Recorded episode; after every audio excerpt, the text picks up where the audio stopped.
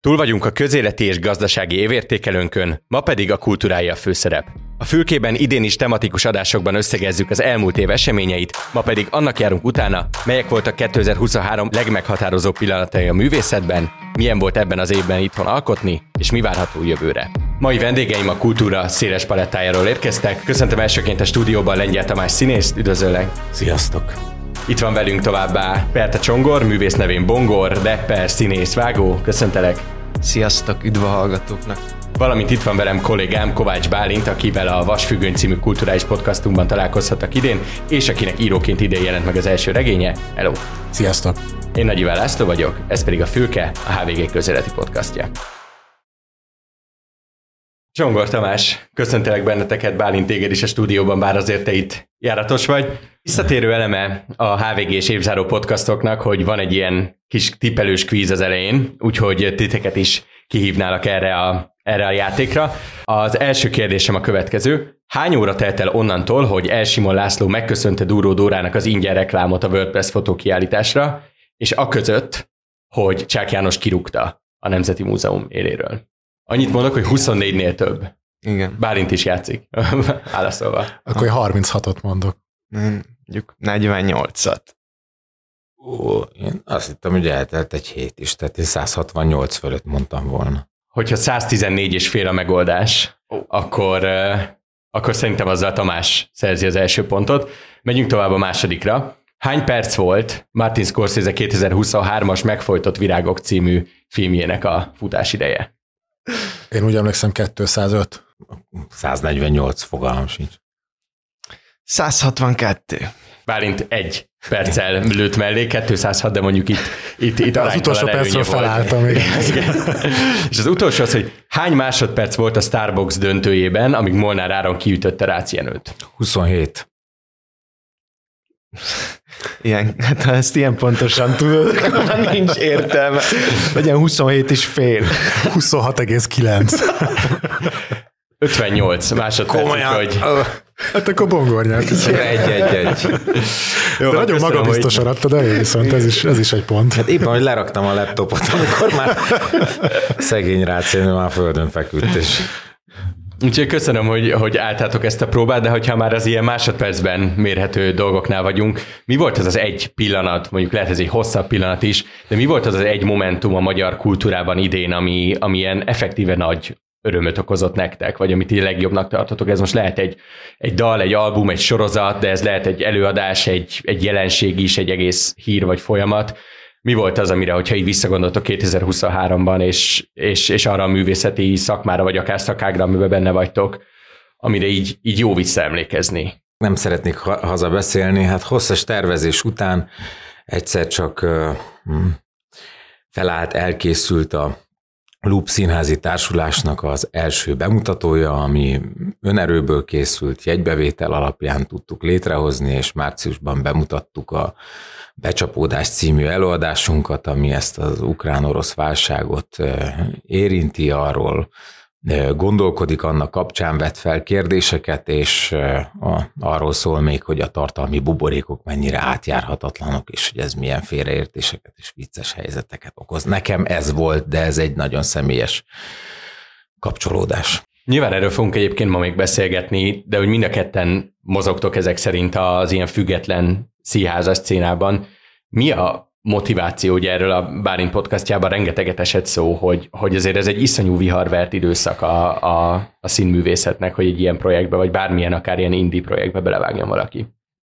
Hogy mi a motivációja? Hát a, hát a közösségi élmény.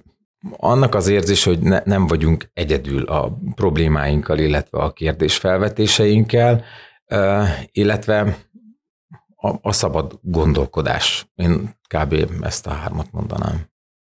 Visszakanyarodva még az előzőre, Csongor, neked a 2023-as élményeit közül mi az, amit így aláhúznál?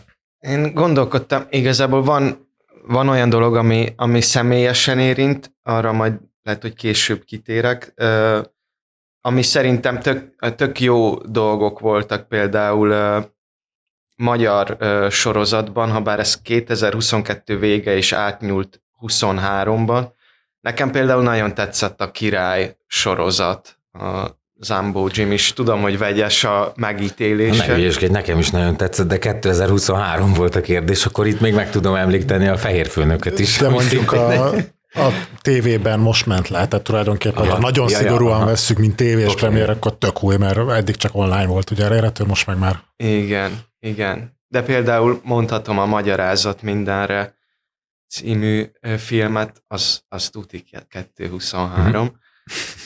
Én is a filmeket mondanám alapvetően, egyrészt bármilyen filmet, mert úgy értem, hogy a világ filmművészetét, mondjuk a Sziget szellemei vagy a Babylon című filmek volt nekem a két top külföldről, de ami talán mondjuk úgy, hogy fontosabb, hogyha szabad ilyen szót használni, az, hogy még egyelőre a magyar film az még így hiába fekszik a földön, de még rugdos.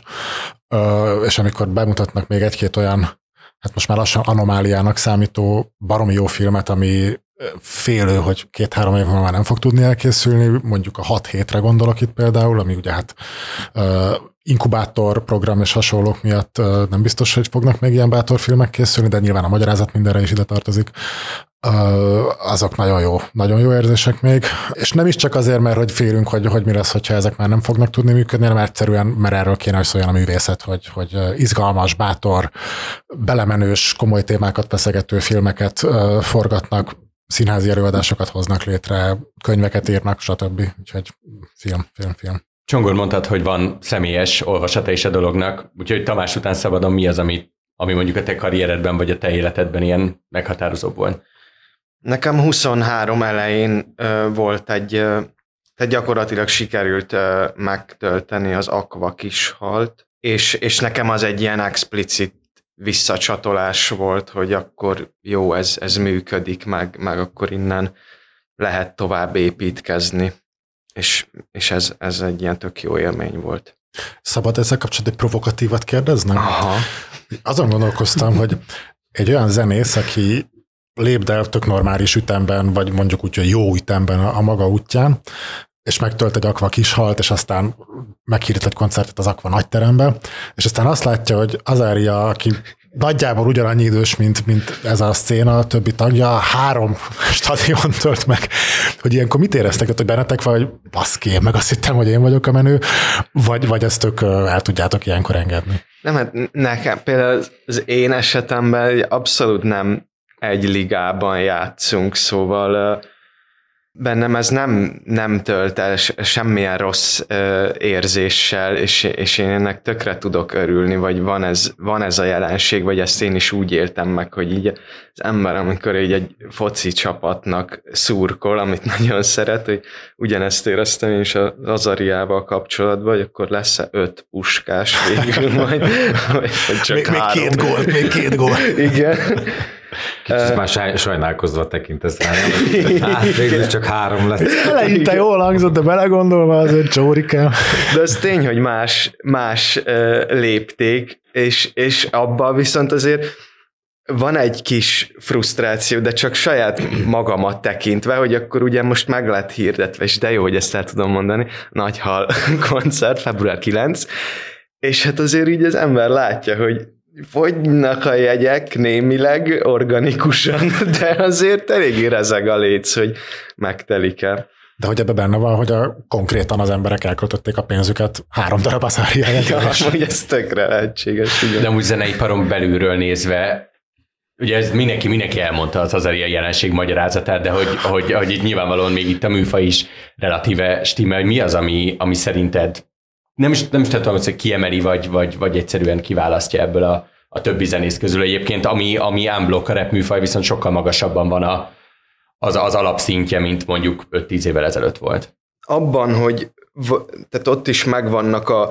ö, műfai sajátosságai annak, amit ö, az Azaria csinál, vagy hát mégiscsak egy pop műfaj, de, de hogy szerintem azon belül meg így tökre kísérletező, vagy olyan, olyan dallamíveket hoz be, amit, amit nem igazán hallani, vagy, vagy így struktúrában is a dalok úgy épülnek fel, hogy azért van benne váratlanság, de amikor az ember hallgatja, vagy nekem az az élményem, hogy basszus, ebbe azért csomó meló van, csomó megfontolás, meg, meg, meg tervezgetés, meg szóval nem, nem egy ilyen sablon-szerű nekem ez az élményem. Egyébként annak nincsen jelentősége, hogy, hogy a részéről volt egy komoly közösségépítés már azt megelőzően a, a, a YouTube-on? Ez biztos benne van egyébként, hogy ez, ez, ezzel tuti jól megalapozta már. Arra visszakérdeznék is egyébként mindkettőtökhöz, hogy, hogy mind a mondtátok, hogy, hogy Tamás ugye nektek a, a luppal csongol neked a koncertekkel, hogy ez a megtölteni piaci alapon értékesíteni ezeket a jegyeket, ez, ez stressz? Egy, egy ilyen, egy előadónak, egy zenésznek, egy, egy színésznek, hogy, hogy ez összejöjjön? Vagy mit, mit lehet kezdeni, közember nézi, és így nem jönnek úgy a számok? Vagy éppen fordítva, hogyha meg tök jó, hogy jönnek a számok? A karácsony előtt közvetlenül egy héttel előadásokat játszani, az egy rossz döntés. Ezt tudom mondani róla. Mi tegnap játszottunk, ma játszunk, és még a hét további két napján játszunk, és egészen más, hogy mennek a jegyek, mint ezt megelőzően, illetve ezt követően. Tehát nyilván mindenki a karácsonyi bevásárlással, meg a céges partikkal van elfoglalva, de ez nekem, egy, nekem teljesen megváltoztatta a percepciómat a, a, az egészről. Tehát, hogy eddig hogy mondjam, állami vagy fővárosi fenntartású intézményekben szerepeltem, ahova delegáltak valamennyi összeget, és abból mm, az arra érdemes kiválasztott létrehozta a kultúra pakkot, vagy nem tudom, hogy mondjam ezt, és most pedig az van, hogy, hogy annyi pénzünk van, amennyi marad a kasszában. És ez egy egészen más megélése ennek az egésznek. Tehát én, én full tele vagyok stresszel. Én, én, én nem tudom, én a jegyeladó rendszerünket naponta 50-szer kinyitom, azt nézem, próbálom megfejteni, hogy, hogy minek mi lehet az oka, hogy miért mennek jobban az egyik pillanatban az egyik jegyek, a, a másikban pedig a másik. Tehát, hogy ez egy egészen másfajta feszültség. Akkor te is válaszol, csak erre az jutott eszembe, hogy én szerintem olyan 13 éve interjúzhattam nagyjából a Szikszai Rémusszal, aki akkor csinálta meg a Vádli színházi mhm. társulatot, mm. és már 13 éve azt kérdeztem tőle, hogy így valószínűleg nem ezekkel a szavakkal, de hogy hülye vagy, tehát most társulatot alapítani? Na most azóta eltelt 13 éves, hát látjuk, hogy a független színházi szcéna az nem feltétlenül a gazdagság és a luxus irányába ment el, tehát hogy tőled is azt kérdezem, hogy most színházi társadatot alapítani? Hiányzott ez nektek? Hogy, hogy, hogy nem, nem mondtátok azt, hogy Jézus, örülünk, ha túlélünk, nem, hogy még újat is hozzunk létre? Hát nem. Nem, nem, nem.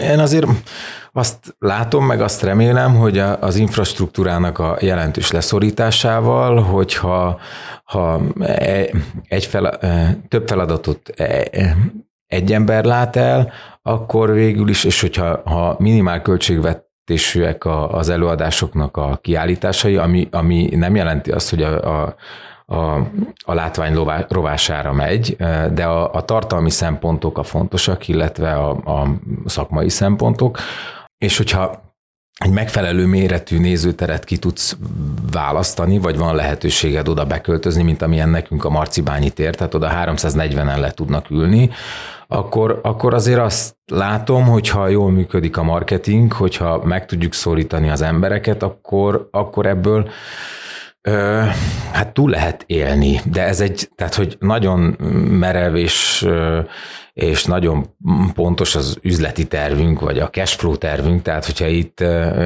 borulás van nézőszámban, és mondjuk nagyobb kockázatot vállalunk, mint amennyit el, elbírunk, akkor az lehet, hogy veszélybe sodorja majd a, az évvégi bemutatónkat, de azt látom, hogy, hogy, hogy azért ez működget így, de csak kifejezetten szerencsés, és ilyen esetben, ahogy, ahogy mi próbáljuk ezt csinálni. Tehát, hogy nálunk olyan színészek szerepelnek, akik exponáltak a, a, a média szinte minden területén.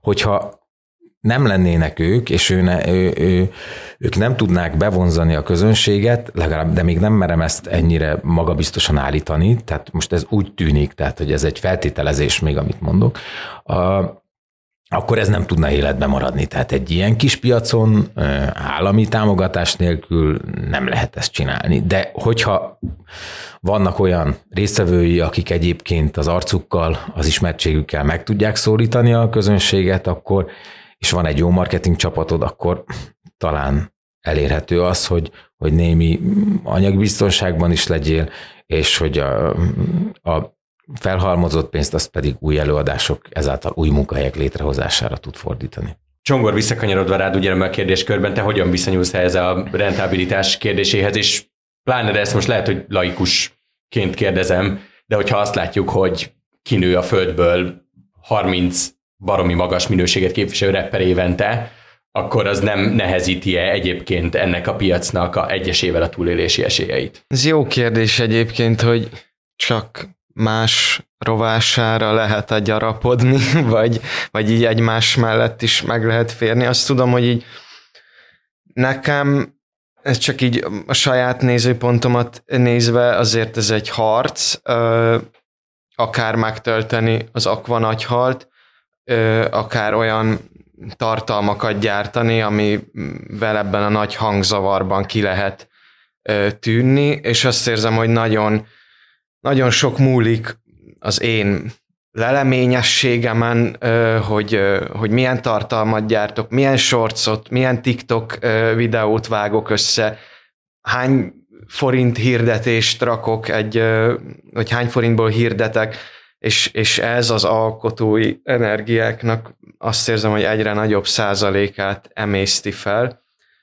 és ez tök nehéz, de hogyha az ember ezt megkerüli, vagy nem foglalkozik vele, akkor egyszerűen van egy csapódó tömeg, aki nem figyel rá, tehát hogy akkor így eltűnsz. De közben meg azért az szerintem érzékelhető, hogy a, a, a pénztárca mérete az, az megy össze, tehát hogy egyre kevesebb összeget tudnak fordítani, tehát így, így óhatatlan az, hogy egyszer csak még, még nagyobb lesz a, a harc a, a figyelemért, vagy azért, hogy te tudd eladni a jegyeket.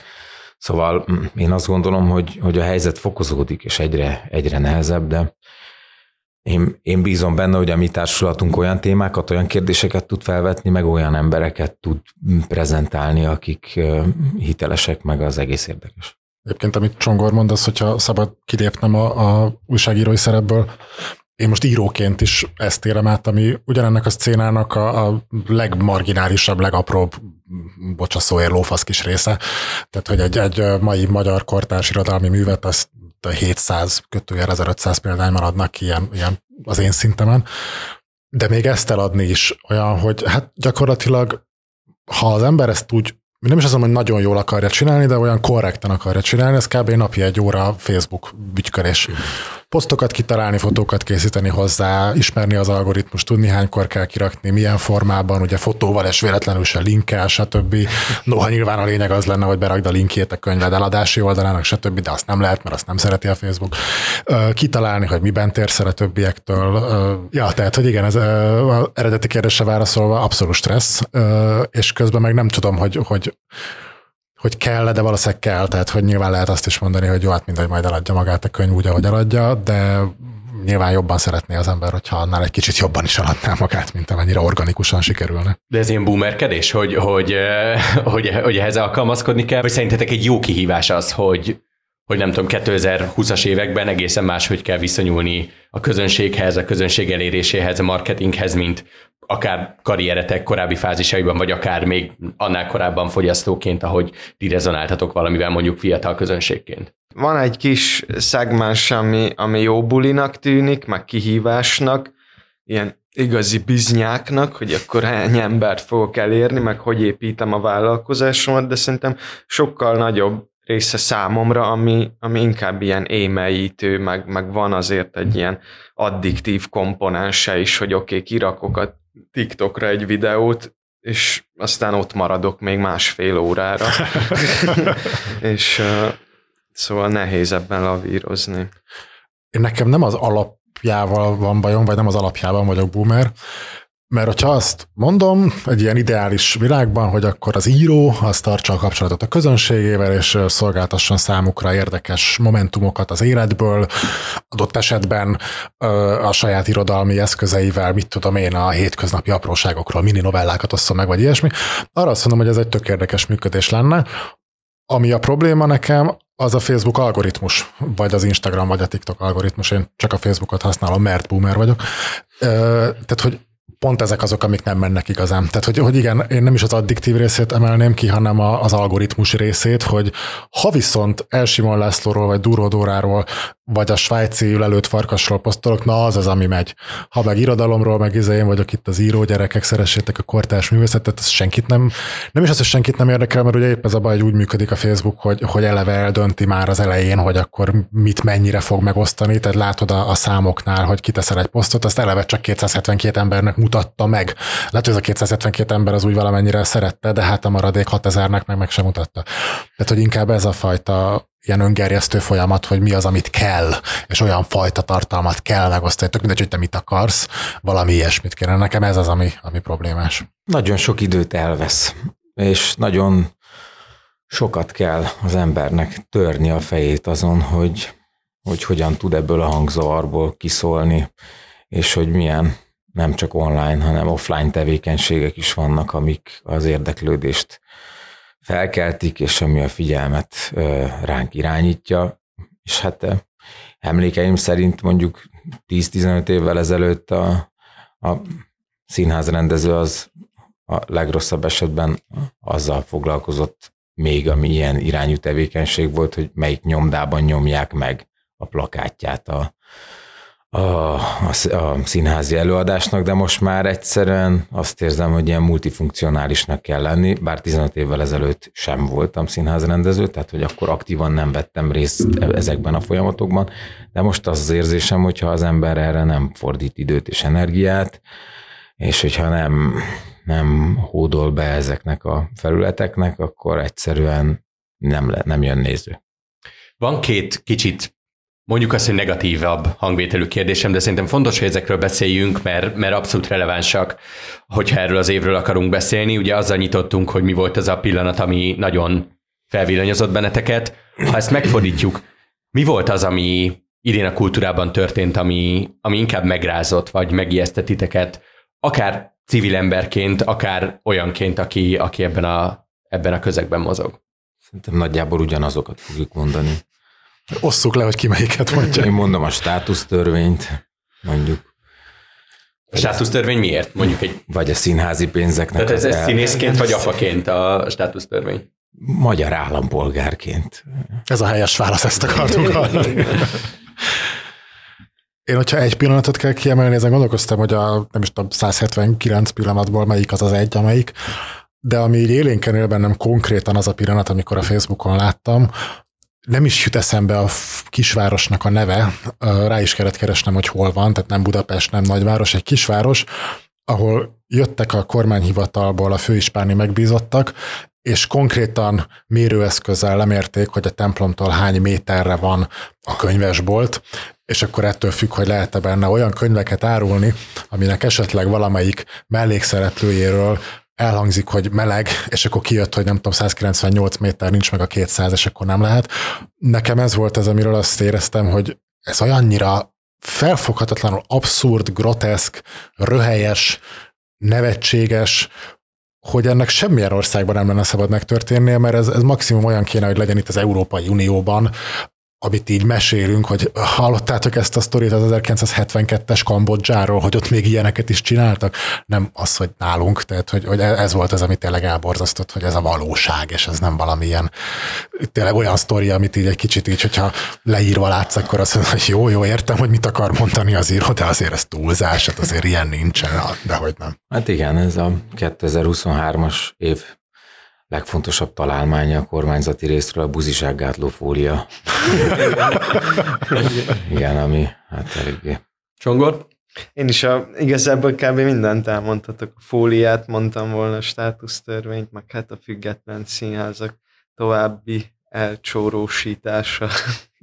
És akkor menjünk is át, mert ez lenne a második ilyen szomorkás kérdésem, aztán talán már nincs is több. Ugye említettem már itt is még egyszer promóznám, hogy, hogy idén futott le a Bárintnak a Vasfüggöny című podcastja, ahol hét részben néztük meg a művészetnek, a Magyarországi Szabad Művészetnek különböző ágainak képviselőivel az, hogy milyen állapotban van Magyarországon a független alkotó szcéna. És, és ennek volt a, a kulcs kérdése, pont ez a, ez a szabadság és függetlenség motivum.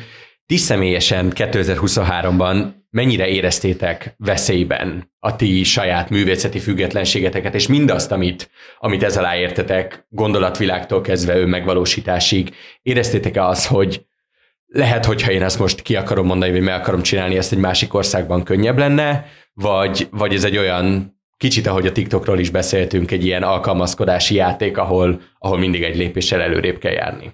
Ezt az, ezt az idő fogja eldönteni valószínűleg.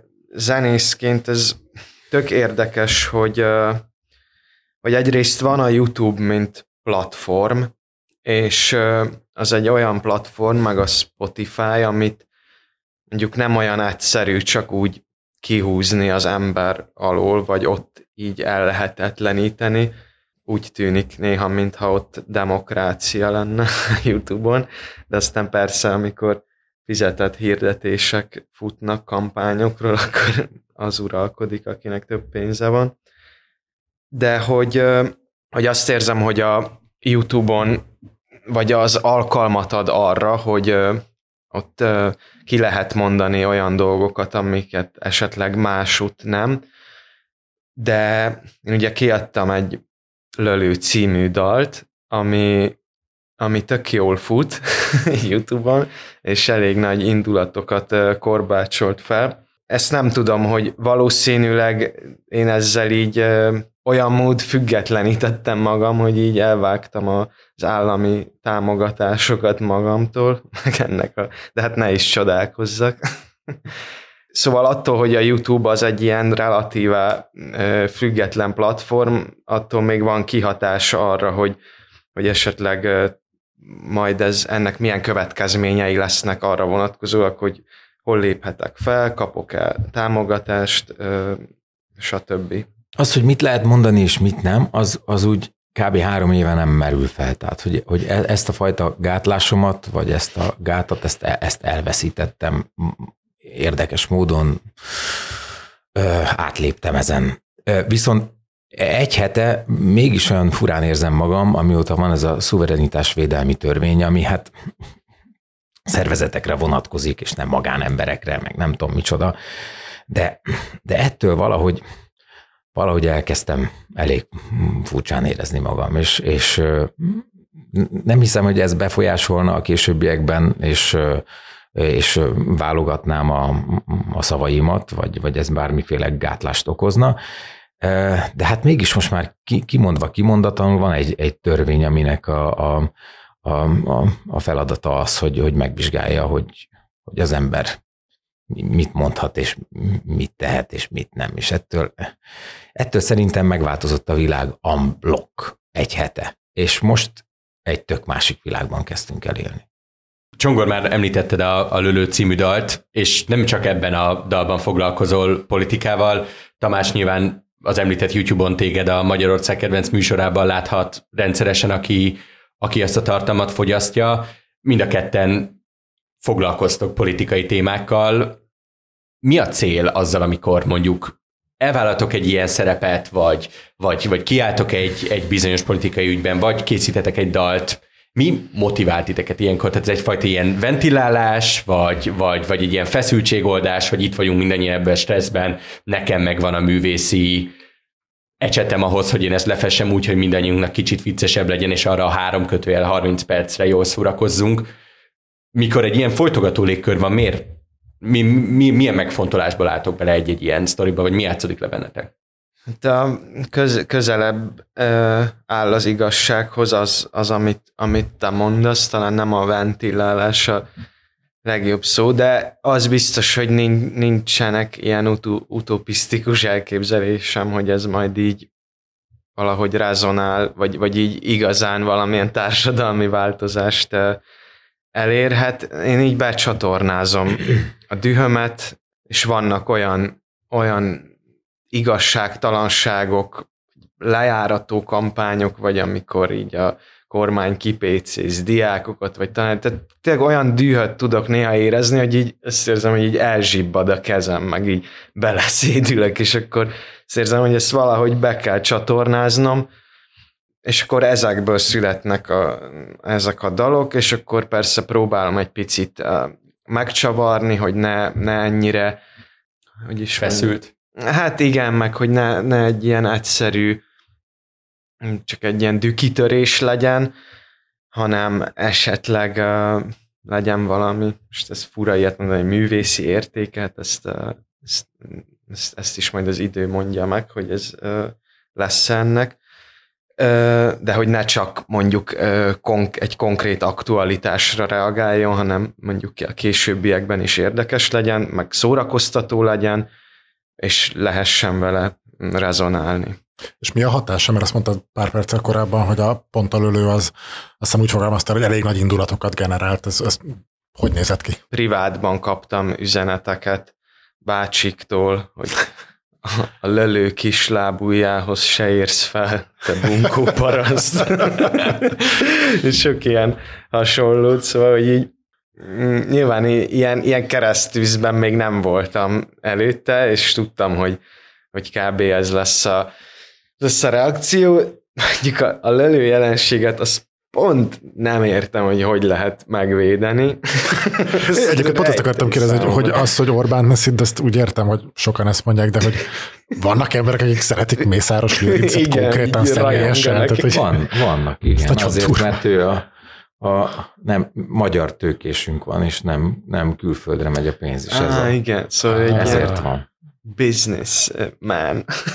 De tényleg amúgy nem is tudom, volt idén, volt idén egy adásunk, hogyha eszembe jut, hogy melyik, akkor bele fogom tenni az adás leírásába, ahol arról beszéltünk, hogy egyébként Magyarországon amellett, hogy mindenki így az a legfőbb ilyen probléma térképen is például, hogy megélhetés, megélhetés, megélhetés, közben van egy ilyen kicsi fétisünk a pénz felé, hogy, hogy azért szeretjük a, a mulató zenében az Esmercivel begördülő előadókat, meg azért szeretjük a, a, a Szijjártó Pétert az Armani Pulcsiban, és azért szeretik a, valakik ezek szerint a Lőrincet is, mert hát, hogy ő megvalósította magát, és hogy ez inspirációnak nem biztos, hogy nevezném, ezt, de... Ezt kire is mondta, hogy okosabb nála? Azt Mick Jaggerre mondta? Zuckerberg? Igen. Jó, igen. Oké. Okay. Visszakanyarodva még ez a politikai kérdés, ez Tamás.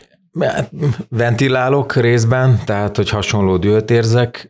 Én is úgy gondolom, hogy azért ez sokat nem változtat, viszont a lelki békémhez szükséges, az elég sokan követnek a Facebookon, 130 ezeren, a TikTokon 60 ezeren, a Instagramon 50 ezeren, tehát hogy azért az egy nagy, nagy közösség, és úgy érzem, hogy hogyha én más összefüggéseket látok, akkor azt nekem el kell mondanom. Tehát, hogy ebben most ilyen furán hangzik, meg nem tudom, lehet, hogy ez egy bénaság, de, de ebben van valami közszolgálatiság is a részemről, tehát úgy érzem, hogyha én felfedezek más összefüggéseket, hogyha én látok bizonyos hazugságokat, vagy látok karaktergyilkosságokat, vagy, vagy látom az igazságtalanságot, akkor egyszerűen, hogyha van egy ilyen tábor, aki, aki figyeli azt, hogy, hogy mit tudom én, milyen műsort ajánlok magamról a tévében, akkor azt is emellett el kell mondanom, hogy egyébként mi a problémám a státusztörvényel, vagy a pedagógusok helyzetével, vagy Tehát a ez színházi... egy felelősségvállalás mind magatok, mind a közönség felé. Igen, én, igen, úgy érzem, hogy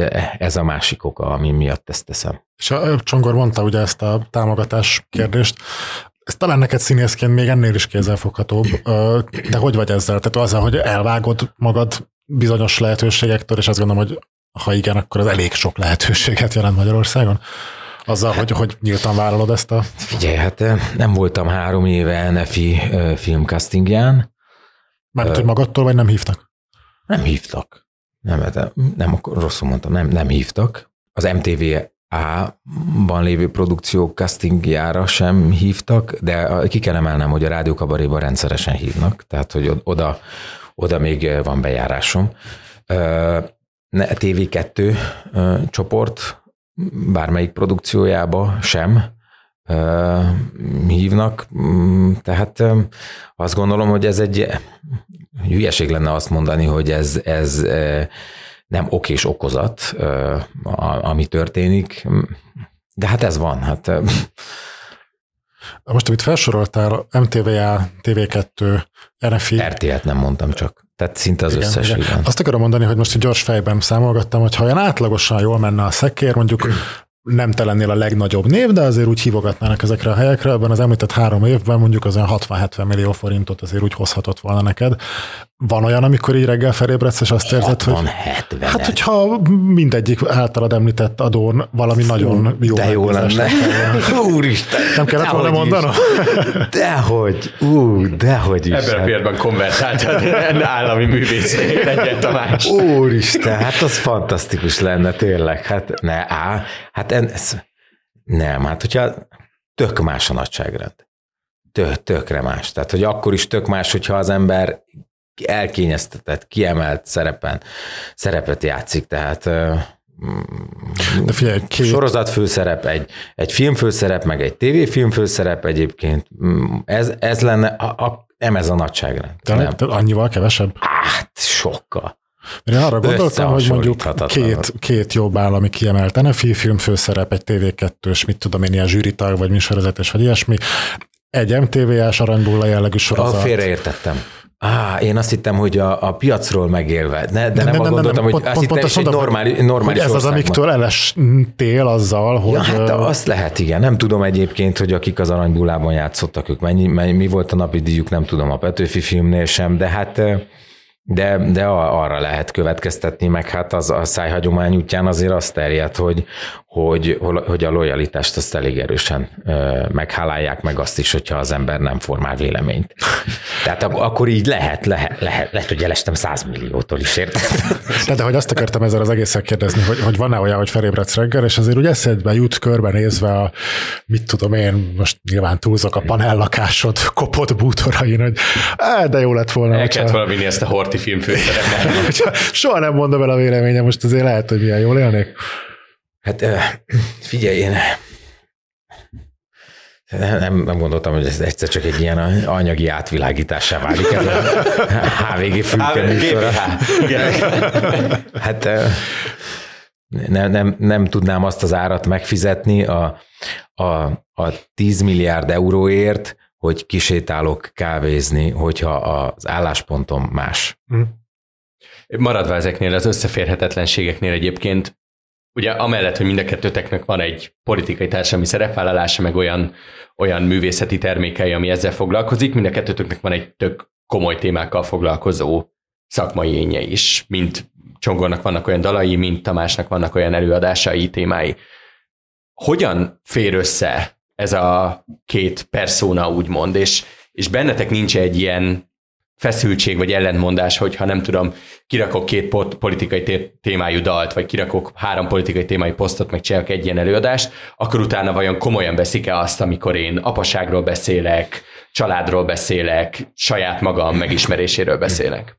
Bennem ez így nem két perszónaként él, szóval nem, nem igazán tudom leválasztani a kettőt egymásról. Vagy, illetve azt nem gondolom, hogy, hogy, hogy kevésbé tudnának komolyan venni más témákban. Belülről van egy olyan megélés, hogy igen, csináltam mondjuk két politikai témájú dalt, akkor is, ha van mondani való, már azt érzem, hogy most már nem, nem, egyszerűen émeljít ez a téma, nem akarok most még egy ilyen dalt legalább fél évig, vagy egy évig, hanem, hanem más dolgok is foglalkoztatnak, és, és azokkal is szeretnék foglalkozni.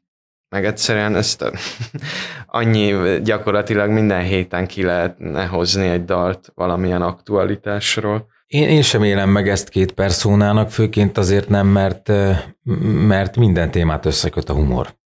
Tehát én, én azon keresztül próbálok mindenről beszélni. Tehát az, magáról az apaságról, a, a, a politikai dolgokról, a, mi, minden előadásunkban nagyon fontos, például amit a lúppal csinálunk, hogy annak legyen egy része, ami szórakoztató, ami, ami humoros, amin tudnak nevetni a, az emberek. Aztán persze legyen meg az a e, kíméletlen fordulat, amitől megváltozik a, a, a nézőpont vagy a, a percepció. El, elvárásokat érzek velem szemben, és érzem azt, hogy valaki azt szeretné, hogyha csak a mi kis falunkból osztanék meg posztokat, és arról mesélnék sztorikat, de hát akkor ő valójában nem engem követ, vagy nem rám kíváncsi, hanem arra az egy részletére az én, nem tudom, személyiségemnek. És mit tapasztaltok a közönségen ezzel kapcsolatban, hogyha valaki elmegy egy koncertre, beül egy előadásra, vagy unblock, ahogy csak interaktáltok velük, mondjuk a közösségi médián, hogy változott-e az elmúlt években az, hogy ők, ők mit szeretnének látni, vagy mi az, aminek örülnek, kiszabadulni akarnak, vagy feldolgozni bizonyos osztott traumákat? Hát én, én nekem, nekem erről, vagy ennek kapcsán nagyon pozitív tapasztalataim vannak, mert a, a mi úgy játsszuk az előadásokat, hogy meg szoktuk állítani a tapsrendet, és elmondjuk mindenkinek, aki egyet váltott az előadásra, hogy a jegyváltással támogatják a színházat, és mi egy független alkotó csapat vagyunk, és hogyha van kedvük, akkor várjanak meg minket az előadás után, mert szívesen beszélgetünk, meg fénykép, fényképezkedünk, és itt az, amikor megvárnak, akkor van alkalom arra, hogy, hogy néhány mondatban az emberek megosszák a véleményüket, és nekem az a tapasztalatom, hogy, hogy az emberek nagyon szeretnének tényleg szabadon gondolkodni, nagyon szeretnék több szempontból megvizsgálni a dolgokat, és nem csak tehát valahogy out of the box kitekinteni, és, és nagyon hálásak azért, hogyha ha valaki meri vállalni azt, hogy kimond dolgokat, hogyha felvet kérdéseket, hogyha ha, ha nincsen öncenzúra, hanem tényleg a, mondjuk egy ilyen másfél-két órás előadás alatt megtapasztalható a, a, az ilyenfajta szabad gondolkodásnak az élménye.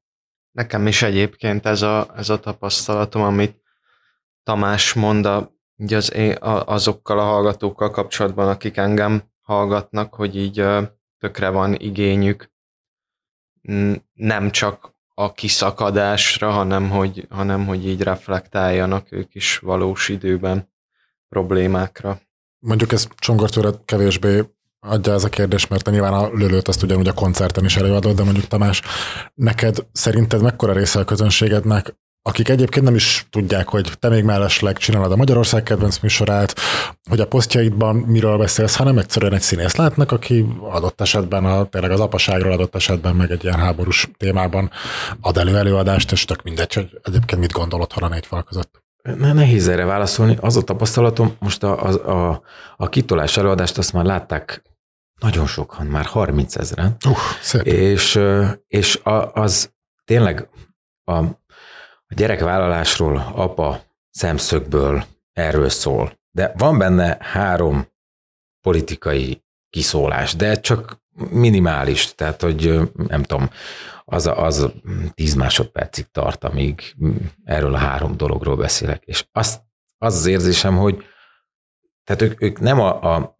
az RTL-es rácra váltottak egyet, hanem, hanem, hanem rám, aki, aki mindennel foglalkozik, és amikor, amikor ezek elhangzanak, akkor nagyon hálásak, és nagyon lelkesek. Tehát ebből arra következtetek, hogy, hogy, hogy talán tudják azt, hogy, hogy én ki vagyok, hogyha ez válaszolta. A... Igen, igen, igen, igen.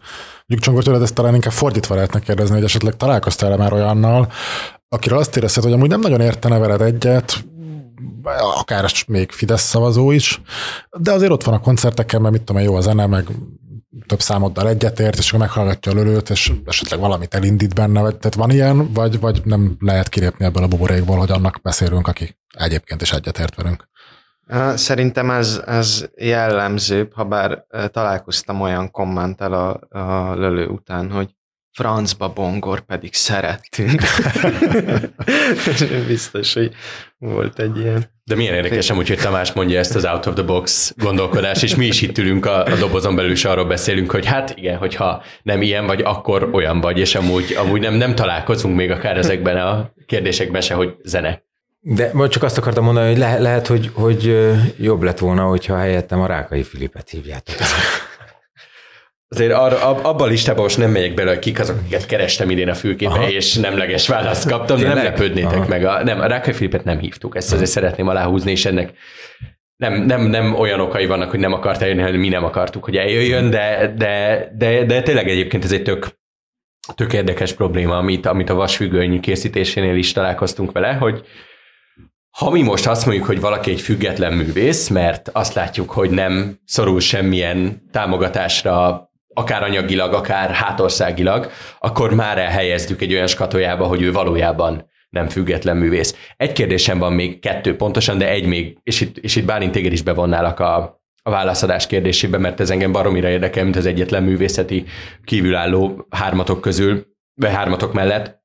Ha, ha lebontjuk ezt a, ezt a héjat, ezt a politikai közéleti héjat így a, a mindennapokról, és akár a ti munkásságotokról, akkor honnan merítetek inspirációt, akármiről legyen szó, egy új színdarabról, egy új zeneszámra, egy könyvről, mi az az impulzus, ami, ami másféle gondolkodásra készített titeket, vagy ami, ami pont erre az out of the box gondolkodás, vagy valami újat alkotni, mert azért 2023, ha, ha lebontjuk róla a párpolitikai, bármilyen politikai mázat, akkor is egy baromi nehéz és, és zaklatott év Covid után, tök nehéz megérhetési helyzetben.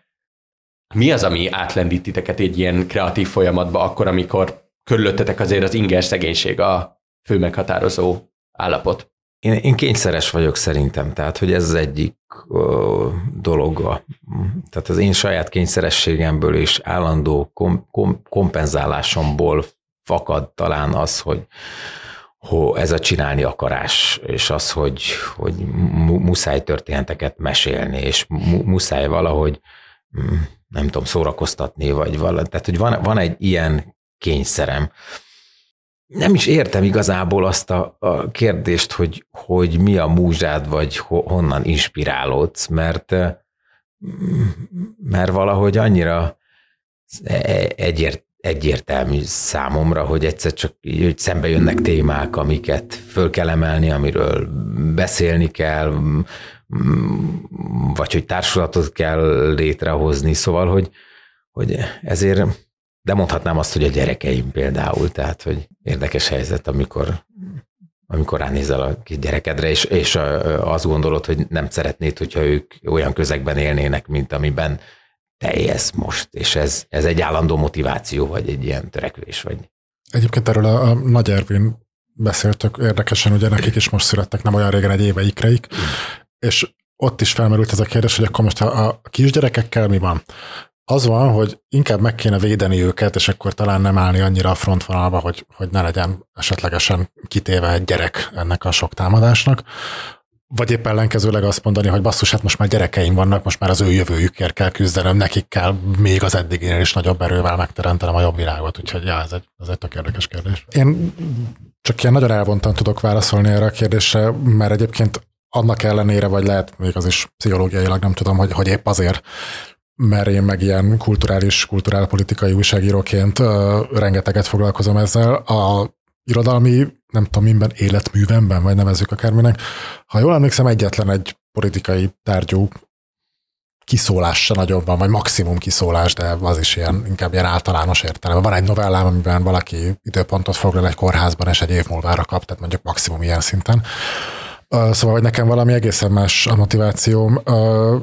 És igazából nem tudom megfogalmazni, mi, úgyhogy csak így próbálkozom, hogyha ha kívülről látom magamat, akkor mit gondolhatnék magamról, de én azt mondanám, hogy, hogy pont, hogy valamiféle felülemelkedés. Tehát, hogy én a művészetről mindig azt gondoltam, elsősorban nézőként, mert nyilván azért nézni is többet nézek, mint amennyit írok, hogy ez valahogy így mindennél, hát most ez ilyen gicses szó lesz, de hogy nemesebb.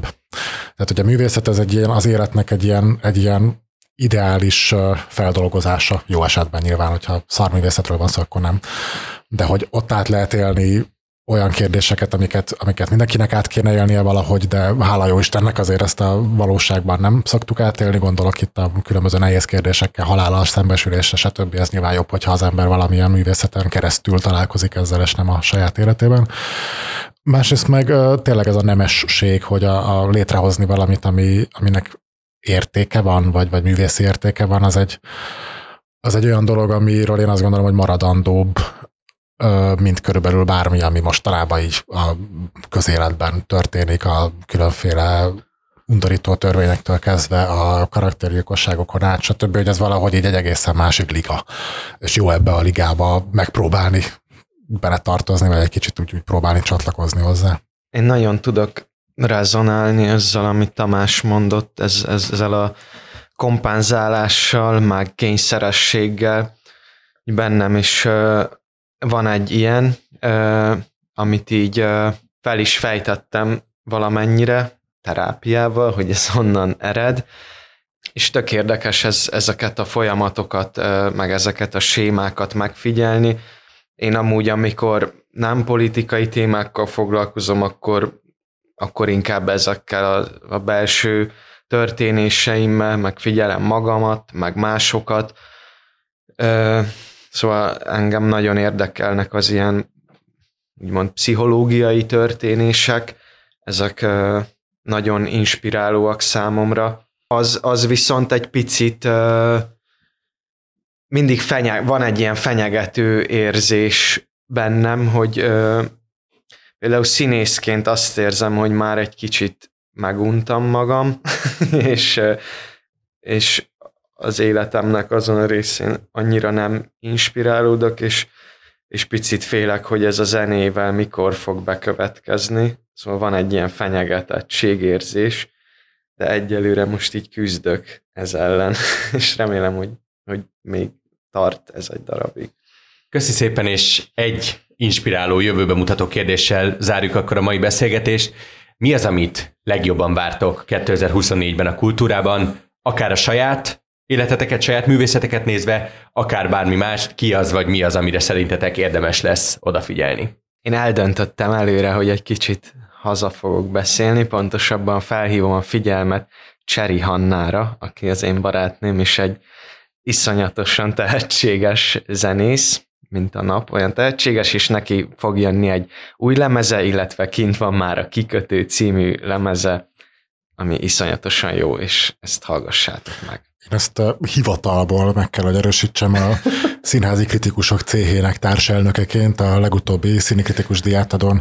Hát szinte példátlan módon három díjat vehetett át Hanna, úgyhogy azért ez nem sok emberrel szokott megtörténni.